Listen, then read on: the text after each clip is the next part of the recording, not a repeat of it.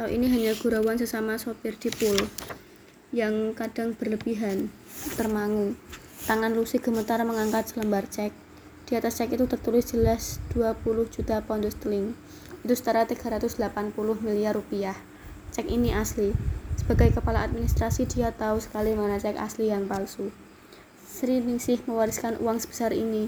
Bagaimana? Bagaimana mungkin? Ini bagai mimpi Ya Tuhan, Lucy memegang dadanya takut jatuh pingsan.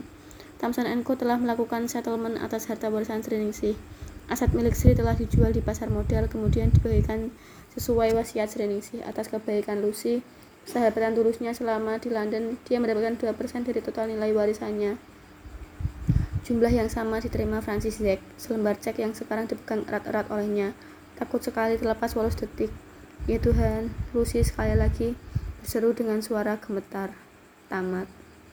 Ending dari cerita oleh Terelie tentang kamu, Sriningsih Zaman. Cerita yang mengagumkan selama satu bulan ini dibaca sangat indah.